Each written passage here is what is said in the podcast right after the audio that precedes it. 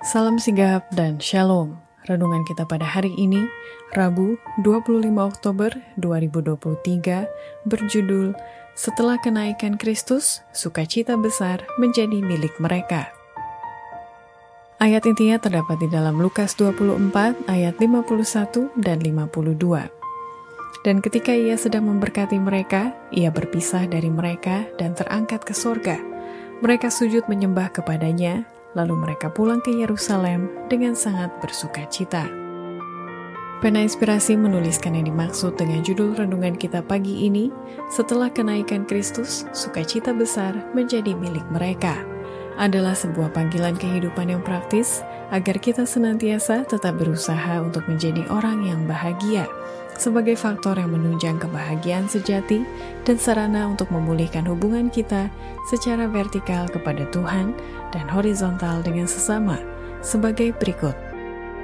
Pertama, gambaran dan peristiwa setelah kenaikan Kristus, sukacita besar menjadi milik mereka, karena sejak saat itu, murid-murid Yesus mulai sibuk menyambut dan mengurus utusan-utusan juru selamat dari segala penjuru. Sesudah kenaikannya, mereka menyambut utusan-utusan juru selamat, dan murid-murid mengumpulkan suatu panen yang berharga dari antara mereka yang pernah menjadi musuh mereka yang paling pahit. Buluh yang terkulai tiada akan dipatahkannya, dan sumbu yang lagi berasap tiada akan dipadamkannya. Maka ia pun akan menyatakan hukum dan kebenaran, dan kepada namanya segala orang kafir akan berharap. Yesaya 42 ayat 3, Matius 12 ayat 21. Kedua, gambaran dan peristiwa setelah kenaikan Kristus, sukacita besar menjadi milik mereka karena murid-muridnya sekarang baru bisa menghargai sepenuhnya tabiat dan tugas juru selamat datang ke dunia ini. Nanti setelah kenaikan Kristus kepada Bapaknya dan setelah kecurahan roh kudus ke atas orang-orang percaya, barulah murid-murid menghargai sepenuhnya tabiat dan tugas juru selamat. Setelah mereka menerima baptisan roh, mulailah mereka menyadari bahwa mereka sudah berada di tengah-tengah hadirat Tuhan kemuliaan itu. Ketika ucapan Kristus diingatkan kepada mereka, pikiran mereka pun terbukalah untuk menyelami nubuatan-nubuatan, serta mengerti mujizat-mujizat yang telah diadakannya.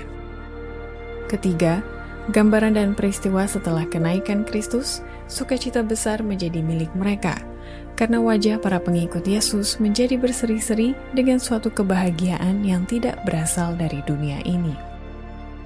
Ketika murid-murid kembali ke Yerusalem, orang banyak memandang kepada mereka dengan keheran-heranan Sesudah Kristus diadili dan disalibkan, terdapatlah anggapan bahwa mereka akan kelihatan murung dan malu.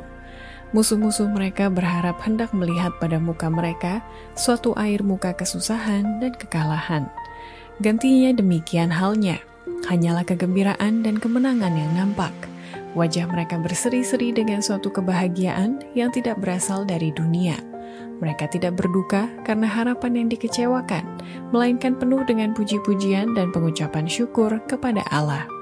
Dengan penuh kegembiraan, mereka mendengar cerita yang ajaib tentang kebangkitan dan kenaikan Kristus ke surga, dan kesaksian mereka diterima oleh banyak orang.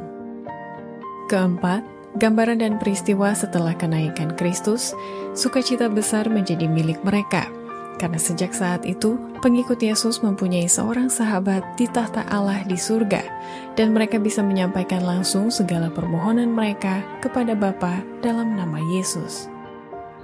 Murid-murid tidak lagi menaruh sifat kurang percaya akan masa depan. Mereka mengetahui bahwa Yesus sudah di surga, dan bahwa simpatinya masih dengan mereka mereka mengetahui bahwa mereka mempunyai seorang sahabat di tahta Allah, dan mereka ingin sekali menyampaikan permohonan mereka kepada Bapa dalam nama Yesus. Dalam kekaguman yang penuh hikmat, mereka tunduk dalam doa mengulangi jaminan itu. Demikianlah renungan kita pada hari ini. Kiranya Tuhan memberkati kita semua.